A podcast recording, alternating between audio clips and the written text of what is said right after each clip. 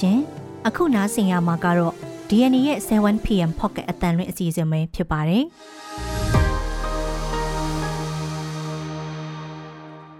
ဒီကနေ့စက်တင်ဘာလ9ရက်နေ့ DNA ရဲ့ pocket အတန်လွင့်အစီအစဉ်မှာတော့လောက်ခလစာတိုးတောင်းလို့အဖမ်းခံရတဲ့အထေချုပ်အလုတ်သမားတွေနဲ့ကုညီသူတွေပြန်လွတ်လာတယ်ဆိုတဲ့အကြောင်းမြမအရေးကိုစိစက်ဆွေးနွေးမှုနဲ့သာအပြေရှာဖို့တိုက်တွန်းတဲ့ကမ္ဘောဒီးယားဝန်ကြီးချုပ်သစ်ဆိုတဲ့အကြောင်း အင်းတော်မှာဖမ်းခံရသူ၄ဦးကိုစစ်ခုံရုံးကထောင်တသက်အပါအဝင်နှစ်ရှည်ပြစ်ဒဏ်တွေချမှတ်လိုက်တယ်ဆိုတဲ့အကြောင်းရွှေကူနယ်ကစခန်းသိမ်းတိုက်ပွဲအတွင်းလက်နက်ချခဲ့တဲ့စစ်သားတအုပ်ကိုမြို့လ PDF ကပြန်လွတ်ပေးတယ်ဆိုတဲ့အကြောင်းမူဆယ်ကနေမြန်မာတရုတ်နိုင်ငံခုနှစ်ရက်ဗီဇာနဲ့သွားလာနိုင်ပြီဆိုတဲ့အကြောင်းစတဲ့ပြည်တွင်းသတင်းတွေနဲ့ဆီယာမလေးတူတေချောင်းကြံမှုကိုအကြောင်းပြုပြီးစိုးမာဆီယာဆီယာမတွေတောင်းနေချီစုဝေးဆန္ဒပြနေတယ်ဆိုတဲ့အကြောင်း အမေရိကန်မှာတဲကန်နာရတဲ့ပွဲတော်ကျမရင်မိုးရွာလို့ပိတ်မိနေခဲ့တဲ့သူတောင်းကနန်းလောက်ဟာနေရက်ကိုပြန်နေပြီဆိုတဲ့အကြောင်းစတဲ့နိုင်ငံတကာသတင်းတွေနဲ့အတူစာရေးဆရာမင်းသေးရဲ့မြမပြည်လက်နက်ကင်နိုင်ငံရေးသဘောတဘာဝဆိုတဲ့ဆောင်းပါးကိုနားဆင်ရမှာဖြစ်ပါတယ်။ပြည်တွင်းသတင်းတွေကိုတော့ကျမနန်းခမ်းနဲ့ကိုမောင်သိန်းကတင်ဆက်ပေးမှာပါ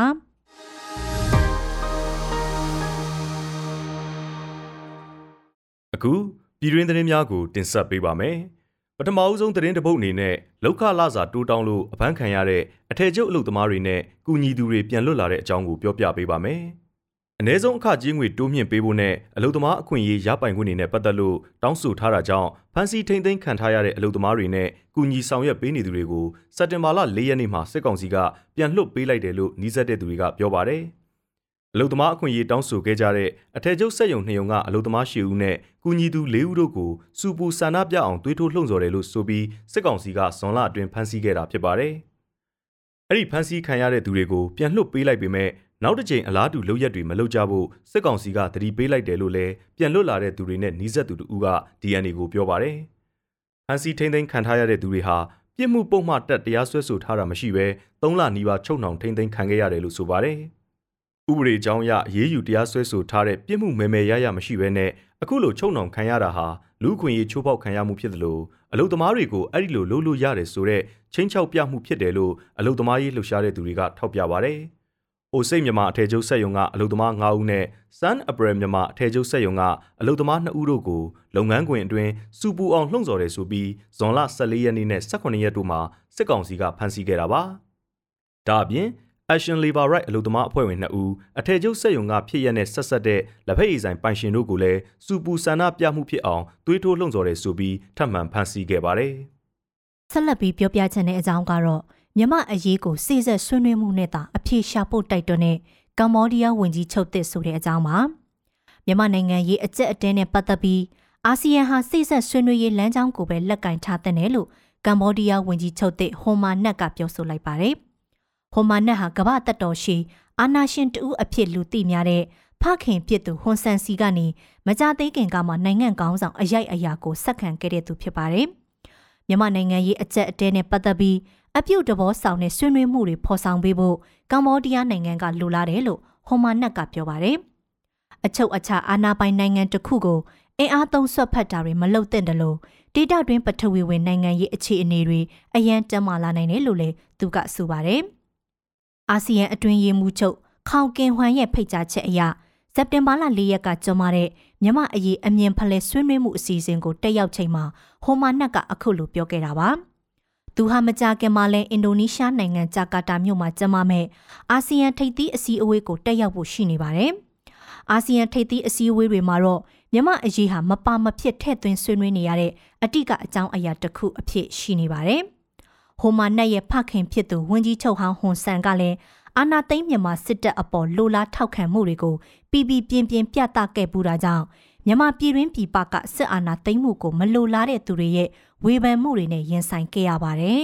။နောက်ထပ်သတင်းတစ်ပုဒ်အနေနဲ့အင်းတော်မှာဖမ်းခံရသူ၄ဦးကိုစစ်ခုံရုံးကထောင်ဒဏ်တသက်အပါအဝင်နှစ်ရှည်ပြစ်ဒဏ်တွေချမှတ်လိုက်တဲ့အကြောင်းကိုပြောပြပေးပါမယ်။ စကိုင်းတိုင်းအင်းတော်မြို့နယ်မှာရှိတဲ့စစ်ကောင်စီလက်အောက်ခံစစ်ခုံရုံးကအရက်သား၄ဦးကိုစက်တင်ဘာလ2ရက်နေ့ကထောင်ဒဏ်တသက်တကြွအပါအဝင်နှစ်ရှည်ထောင်ဒဏ်တွေချမှတ်လိုက်ပါတယ်။ပြီးခဲ့တဲ့ဇွန်လလအတွင်းကအင်းတော်မျိုးအဝင်ထွက်စစ်ဆေးရေးဂိတ်တွေမှာဖမ်းဆီးခံခဲ့ရတဲ့ကိုဇော်မျိုးနိုင်ကိုတင်မောင်ဝင်းမတ်တီတာဝင်းနဲ့ကိုကျော်တက်တို့လေးဦးကိုစစ်ခုံရုံးကနှစ်ရှည်ထောင်ဒဏ်တွေချမှတ်လိုက်တာလို့ Indo Revolution IR အဖွဲ့ဝင်တို့ကပြောပါတယ်။ကိုစောမျိုးနိုင်ကိုအကြမ်းဖက်မှုတိုက်ဖျက်ရေးဥပဒေပုံမှ90ညနဲ့52ကကြီး ကိုတင်မောင်ဝင်းကိုပုံမှ90ညနဲ့ရာဇသက်ကြီးပုံမှ124ခငယ်အရထောင်ဒဏ်တသက်တကြွန်းစီ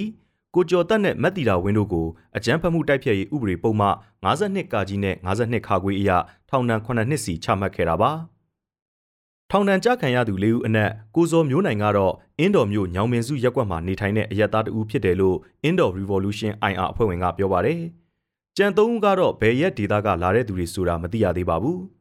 အဲ့ဒီ၄ဦးတွေကမက်တီတာဝင်းနဲ့ကိုတင်မောင်ဝင်းတို့နှစ်ဦးဟာနာမည်စင်းအတိအကျနဲ့ဖမ်းဆီးခံခဲ့ရတာလို့ဆိုပါတယ်။အင်းတော်မျိုးဟာစေအုပ်ချုပ်ရေးကြီးညာခံထားရတဲ့မြို့နယ်ပေါင်း48မြို့နယ်မှာပါဝင်တဲ့အတွက်အရက်ဘတ်တရားရုံးနဲ့မစီရင်ဘဲတပ်ဆိုင်ရာစစ်တိုင်းမှုရဲ့အမိန့်နဲ့အခုလိုစစ်ခုံရုံးကပြစ်ဒဏ်ချမှတ်တာဖြစ်ပါတယ်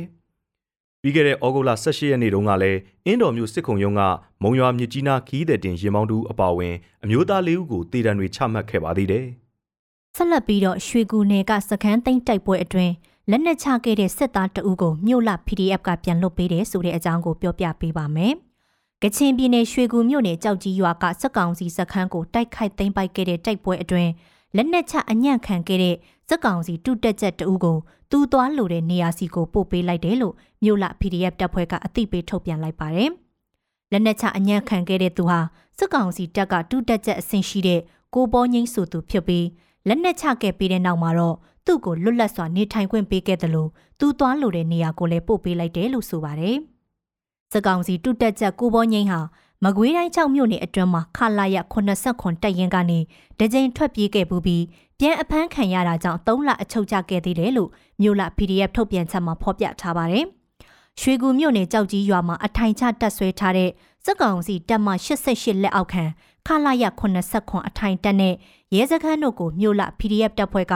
အခုလတရက်နေ့မနက်ပိုင်းမှာတိုက်ခိုက်သိမ်းပိုက်ခဲ့ပါတယ်။အဲ့ဒီတိုက်ပွဲအတွင်းစစ်ကောင်စီဖက်က9ဦးသေဆုံးပြီး6ဦးဒဏ်ရာရခဲ့ပြီးတော့လက်နက်ခဲယံအများအပြားလဲတင်စီနိုင်ခဲ့တယ်လို့မြို့လ PDF ကပြီးခဲ့တဲ့ရက်ပိုင်းမှာထုတ်ပြန်ထားပါတယ်ရှင်။နောက်ဆုံးသတင်းတစ်ပုဒ်အနေနဲ့မူဆယ်ကနေမြန်မာတရုတ်နှစ်နိုင်ငံ9ရက်ကြာတရားဝင်သွာလာနေထိုင်နိုင်ပြီဆိုတဲ့အကြောင်းကိုပြောပြပေးပါမယ်။ တရုတ်မြန်မာနယ်စပ်မူဆယ်မြို့ကနေနှစ်နိုင်ငံနယ်စပ်ဂိတ်တွေကတဆင့်9ရက်ကြာနေထိုင်သွာလာခွင့်ကတ်နဲ့တရားဝင်စတင်သွာလာနိုင်ပြီလို့စစ်ကောင်စီထိန်းချုပ်ထားတဲ့နိုင်ငံပိုင်မီဒီယာတွေကဖော်ပြပါဗျ။မြန်မာနိုင်ငံကဘယ်သူမှဆိုတရုတ်နိုင်ငံနဲ့6ညအိတ်9ရက်ကြာနေထိုင်သွားလာနိုင်တဲ့ယာယီနယ်စပ်ဖြတ်တန်းခွင့်ကပြား TPP တွေကိုမနေ့ကစတင်ထုတ်ပေးနေပြီလို့ဆိုပါတယ်။မူဆယ်မြို့ကနေတရုတ်မြန်မာနှစ်နိုင်ငံလူဝင်လူထွက်ဂိတ်တွေဖြစ်တဲ့နန်းတော်ဂိတ်နဲ့စင်ပြူဂိတ်တွေကိုကိုဗစ်ကပ်ရောဂါကာလအတွင်းပိတ်ထားခဲ့တာပါ။ အဲဒီနောက်အခုနှစ်စန်းပိုင်းမှာတော့မူဆယ်နဲ့နမ်ခမ်းဒေသခံတွေကိုပဲနှစ်နိုင်ငံဝင်ထွက်ကပ်ပြားတွေနဲ့ဖြတ်တန်းခွင့်ပြုထားခဲ့ပါတယ်။လက်ရှိမှာတော့မြန်မာနိုင်ငံသားအလုံးကိုဝင်ထွက်ခွင့်တစ်ခါသုံးကတ်တွေထုတ်ပေးနေပြီဖြစ်လို့ဘယ်ဒေသကမဆိုကတ်ပြားတွေပြုလုပ်ပြီးသွာလာဖြတ်တန်းနိုင်ပြီလို့သိရပါဗျ။အဲ့ဒီဖြတ်တန်းသွာလာခွင့်ကတ်ရဖို့အတွက်မြန်မာနိုင်ငံသားစီစီရေးကတ်မှတ်ပုံတင်နံပါတ်မှန်ကန်ရင်ဝန်ဆောင်ကကြက်တထောင်နဲ့ပြုလုပ်ပေးနေတာလို့နိုင်ငံပိုင်မီဒီယာတွေကဖော်ပြထားပါတယ်။ မန်ဝင်းဂိတ်မှာတော့နှစ်နိုင်ငံဖြတ်တန်းခွင့်ကတ်ကိုကုန်တင်ရင်ပေါင်းတဦးတဲ့အတွက်ကိုသာယာယီကတ်ပြားပြုလုပ်ပေးနေတယ်လို့သိရပါတယ်။ဆက်လက်ပြီးနိုင်ငံတကာသတင်းအစီအစဉ်ကိုတင်ဆက်ပေးပါမယ်။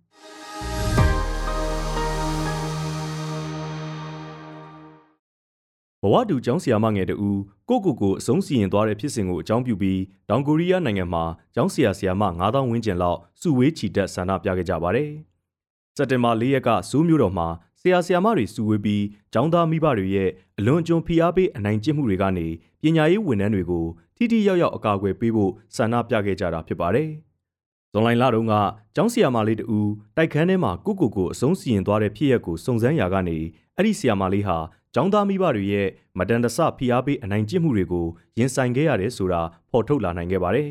။တောင်ကိုရီးယားကကျောင်းဆရာဆရာမတွေဟာကျောင်းသားမိဘတွေနဲ့မိဘတွေစီကမလျော်မကန်ဆက်ဆံမှုတွေကိုကြုံတွေ့ရမှုတိတိတသာမြင့်တက်လာနေကြောင်းဝေဖန်မှုတွေထွက်ပေါ်နေချိန်မှာအခုဖြစ်စဉ်ပေါ်ပေါက်လာတာပါ။ဒီအကြောင်းကိုသိရှိသွားတဲ့နောက်ဘဝတူဆီယာမလေးအတွက်မခံမရက်နိုင်ဖြစ်ကြတဲ့ကျောင်းဆရာဆရာမတွေကစိုးမျိုးမှာစုဝေးခဲ့ကြတာဖြစ်ပါတယ်။ ငြိမ်ငြိမ်ချမ်းချမ်းနဲ့ပြီးဆုံးခဲ့တဲ့ဆန္ဒပြပွဲမှာဆရာဆရာမတွေကတေဆုံးသူအတွက်ဝမ်းနည်းမှုကိုပြသရင်းအလားတူအခြေအနေတွေဖြစ်မလာအောင်ထိထိရောက်ရောက်အကာအကွယ်ပေးဖို့အာဏာပိုင်တွေစီတောင်းဆိုခဲ့ပါတယ်။မျိုးရိုးနာမည်လီလို့သာဖော်ပြတဲ့ဆီယာမတူကတော့အစိုးရရဲ့မူဝါဒတွေကတင် जा ရေးဝန်ထမ်းတွေကိုထိထိရောက်ရောက်အကူအညီပေးဖို့လုံလောက်မှုမရှိသလိုပြဿနာဖြစ်လာရင်အထက်အရာရှိတွေကဆီယာဆီယာမတွေကိုအကာအကွယ်မပေးဘဲလက်ရှောင်နေလိမ့်ရှိတယ်လို့ပြောပါတယ်။ တောင်ကိုရီးယားသမ္မတယုံကတော့သမ္မတယွန်ဆွတ်ယိုဟာဆန္ဒပြဆီယာဆီယာမတွေရဲ့တောင်းဆိုမှုတွေကိုတေချာမှတ်သားနားထောင်ပြီးအစီရင်ခံဖို့ညွှန်ကြားထားကြောင်းထုတ်ပြန်ပါတယ်။စက်တင်ဘာ၄ရက်ကစိုးမျိုးအပြင်တခြားနေရာတွေမှာပြုလုပ်တဲ့ခြိတက်ပွဲတွေကိုပါထည့်တွက်ရင်ဆရာဆရာမပေါင်း9000လောက်ထိဆန္ဒပြမှုတွေရှိခဲ့တယ်လို့သိရပါဗျ။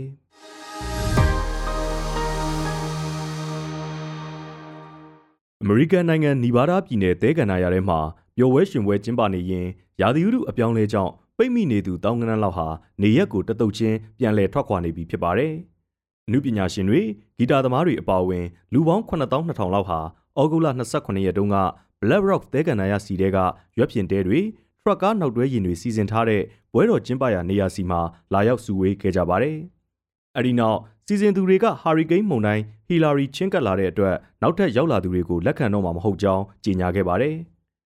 ဝဲကျင်းပနေတဲ့အချိန်မှာပဲတဲကန်နာရထဲမှာမိုးတဲတဲထန်ထန်ရွာပြီးနေရအနှံ့ဘွက်ထကုန်တဲ့အတွက်ကားတွေပြန်ထွက်လို့မရတော့ပဲဖြစ်ကုန်ပါတယ်။ရွှွန့်ဘွက်တွေကထူလွန်းတာကြောင့်လူတွေတနေရာနဲ့တနေရာလမ်းလျှောက်သွားဖို့တောင်အတော်ခက်ခဲနေခဲ့ပါတယ်။အရဲစွန့်ပြီးမောင်းထွက်သွားတဲ့ကားတွေလည်းနွန်တဲနစ်ပြီးရှေ့ဆက်သွားလို့မရတော့တဲ့အခြေအနေတွေကြုံနေခဲ့ပါတယ်။ ပွဲတော်နေရာမှာလူပေါင်း9200လောက်ပိတ်မိနေခဲ့ပြီးစက်တင်ဘာလ4ရက်ညပိုင်းမှာတော့ရာသီဥတုအခြေအနေအထိုက်လျောက်တိုးတက်လာတာကြောင့်ကားတွေစတင်ထွက်ခွာလာနိုင်ကြောင်းပွဲစီစဉ်သူတွေကပြောပါတယ်။ရှုပ်ရှုပ်ထွေးထွေးအခြေအနေတွေအတော်အတွင်းအဲ့ဒီနေရာမှာလူတအူးသေဆုံးခဲ့တယ်လို့သတင်းတွေထွက်ပေါ်နေပေမဲ့သေဆုံးရတဲ့အကြောင်းရင်းကိုတော့တိတိကျကျမသိရသေးပါဘူး။ဒါပေမဲ့ရာသီဥတုနဲ့တော့မသက်ဆိုင်ဘူးလို့စီစဉ်သူတွေကဆိုပါတယ်။ ပွဲတော်နောက်ဆုံးရက်ဖြစ်တဲ့စက်တင်ဘာလ၄ရက်မှာလူယုံကြီးတစ်ခုကိုမီးရှို့ဖို့စီစဉ်ထားတဲ့ကိစ္စကိုလည်းဖျက်သိမ်းလိုက်ရပါတယ်။ပွဲတော်စတဲ့ရက်နဲ့တိုက်တိုက်ဆိုင်ဆိုင်မိုးသေးသေးထထန်ရွာသွန်းမှုဟာစက်တင်ဘာလ3ရက်မှာရပ်တန့်သွားခဲ့ပါတယ်။ဒါဟာအဲ့ဒီသဲကန္နာရထဲမှာနှစ်ပေါင်း30အတွင်းအရှိကြဆုံးမိုးရွာသွန်းမှုအနေနဲ့လည်းမှတ်တမ်းဝင်ခဲ့ကြောင်းသိရပါတယ်။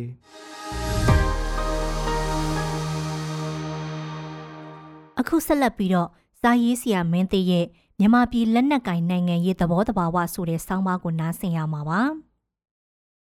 မင်္ဂလာပါဒီတစ်ပတ်တော့မြန်မာပြည်လက်နက်ကင်နိုင်ငံရေးရဲ့သဘောတဘာဝအထာအကြောင်းကိုရေးသားထားတဲ့ဆောင်းပါးတစ်ပုဒ်ကိုတင်ဆက်ချင်ပါတယ်ကျွန်တော်မင်းသေးပါမနေ့ကကျွန်တော်အကူတယောက်နဲ့စကားပြောရင်တချို့ပြောပြတဲ့စကားတွေရှိပါတယ် တချို့ကထင်နေကြတယ်လို့ဒီဒီပွဲကိုနိုင်အနိုင်အရှုံးရလို့သိပြောကြတာပဲကျွန်တော်ကတော့သူ့ကိုပြောတယ်ဒါကလက်ဝိပွဲလို့မဟုတ်ဘူးဒီတော့အနိုင်ရှုံးရလို့ပြောလို့မရဘူး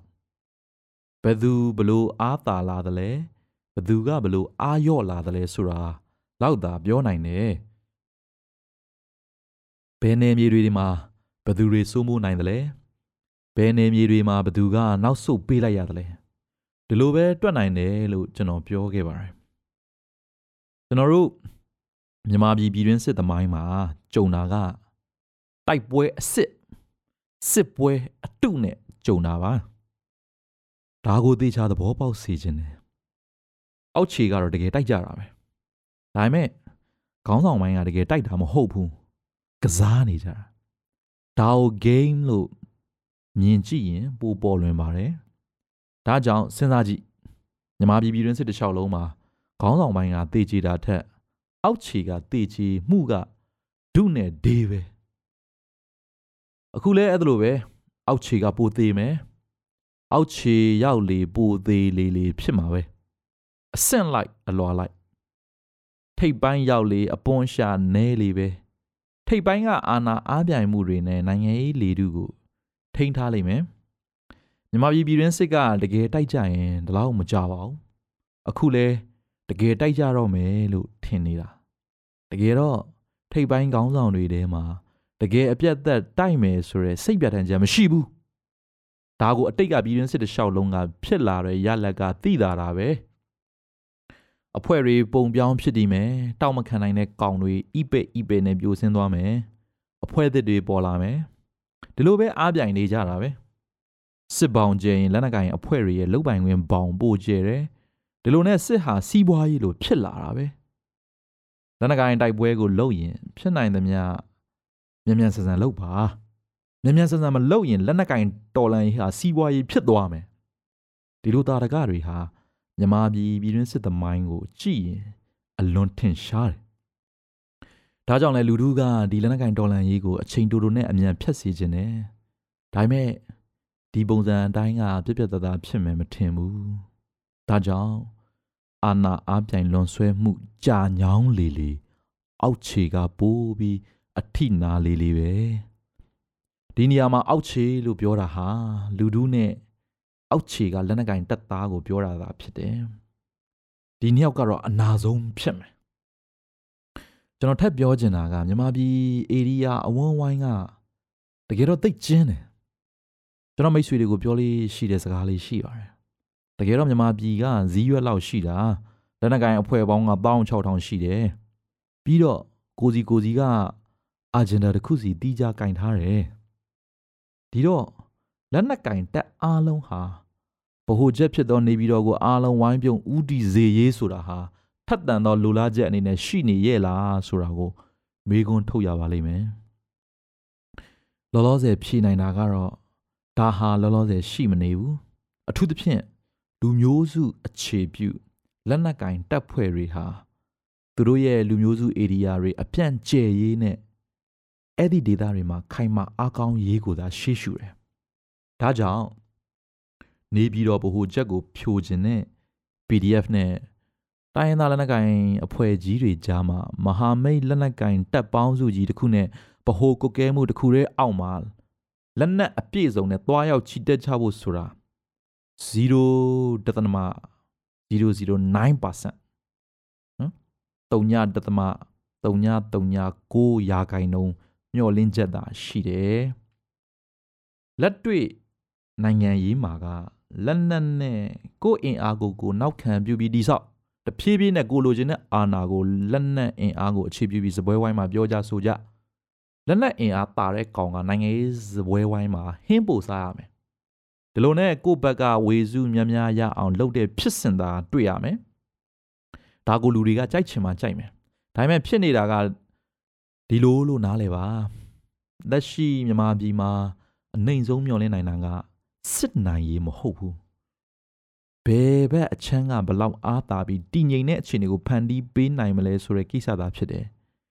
တည်ငြိမ်ရေးကသာလျှင်လောလောဆယ်ကျွန်တော်တို့လက်တွေ့ကြကြမျှော်လင့်နိုင်မယ့်ကိစ္စဖြစ်တယ်အနိုင်ရှုံးတွေဆိုတာကဒီတိုင်းပဲအင်အားနိုင်ငံရေးစကလုံးအရာပြောကြတာပါမြန်မာပြည်ပြည်တွင်းစိတ်ကအနိုင်ရှုံးမပေါ်ပါဘူးကျူးကျော်စစ်မှာအနိုင်ရှုံးရှိတယ်ကဘာစစ်မှာအနိုင်ရှုံးရှိတယ်အင်္ဂလိပ်ကိုနှင်ဖို့ဂျပန်ဝင်လာတယ်အင်္ဂလိပ်ထွက်သွားတယ်ဂျပန်ဝင်လာနိုင်တယ်အနိုင်ရှုံးပေါ်တယ်ပြီးတော့ဂျပန်ပြန်ထွက်အင်္ဂလိပ်ပြန်ဝင်အနိုင်ရှုံးပြတ်သားတယ် ဒါပေမဲ့လွတ်လပ်ပြီးခေတ်နောက်ပိုင်းမြန်မာပြည်ပြည်တွင်းစစ်ကအခုထိပြတ်သားတဲ့အဖြစ်မပေါ်ပါဘူးနယ်မြေတွေကိုထိမ့်ချုပ်နိုင်တာအာဏာစက်ဖြန့်ကျက်ကွက်ကဲနိုင်တာတွေက area လိုက်ပြောင်းနေတယ်ရွေ့နေတယ်တချို့ကကွက်ကြကွက်ကြတချို့ကကြိုကြကြိုကြ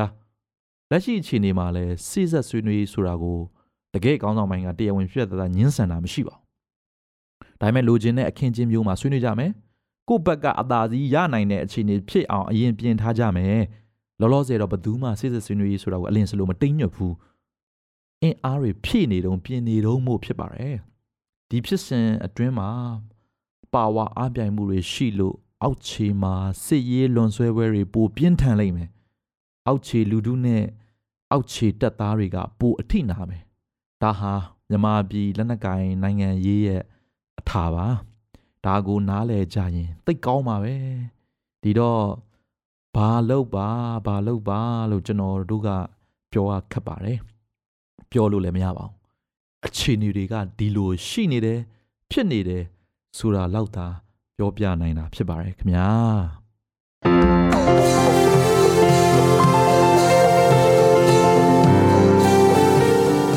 DNA ရဲ့ Pocket အတန်ရင်းအစီအစဉ်ကိုအပတ်စဉ်တနင်္လာနေ့ကနေတောက်ကြနေ့အထိည9:00နာရီတိုင်းမှာတင်ဆက်ပေးသွားမှာပဲဖြစ်ပါတယ်။ ဒီအစီအစဉ်ကိုတော့ DNA ရဲ့ Facebook Page ကနေအပြင် Anchor, Spotify နဲ့ Google Pocket တို့တွေကနေတဆင့်လဲနားဆင်နိုင်ပါတယ်ရှင်။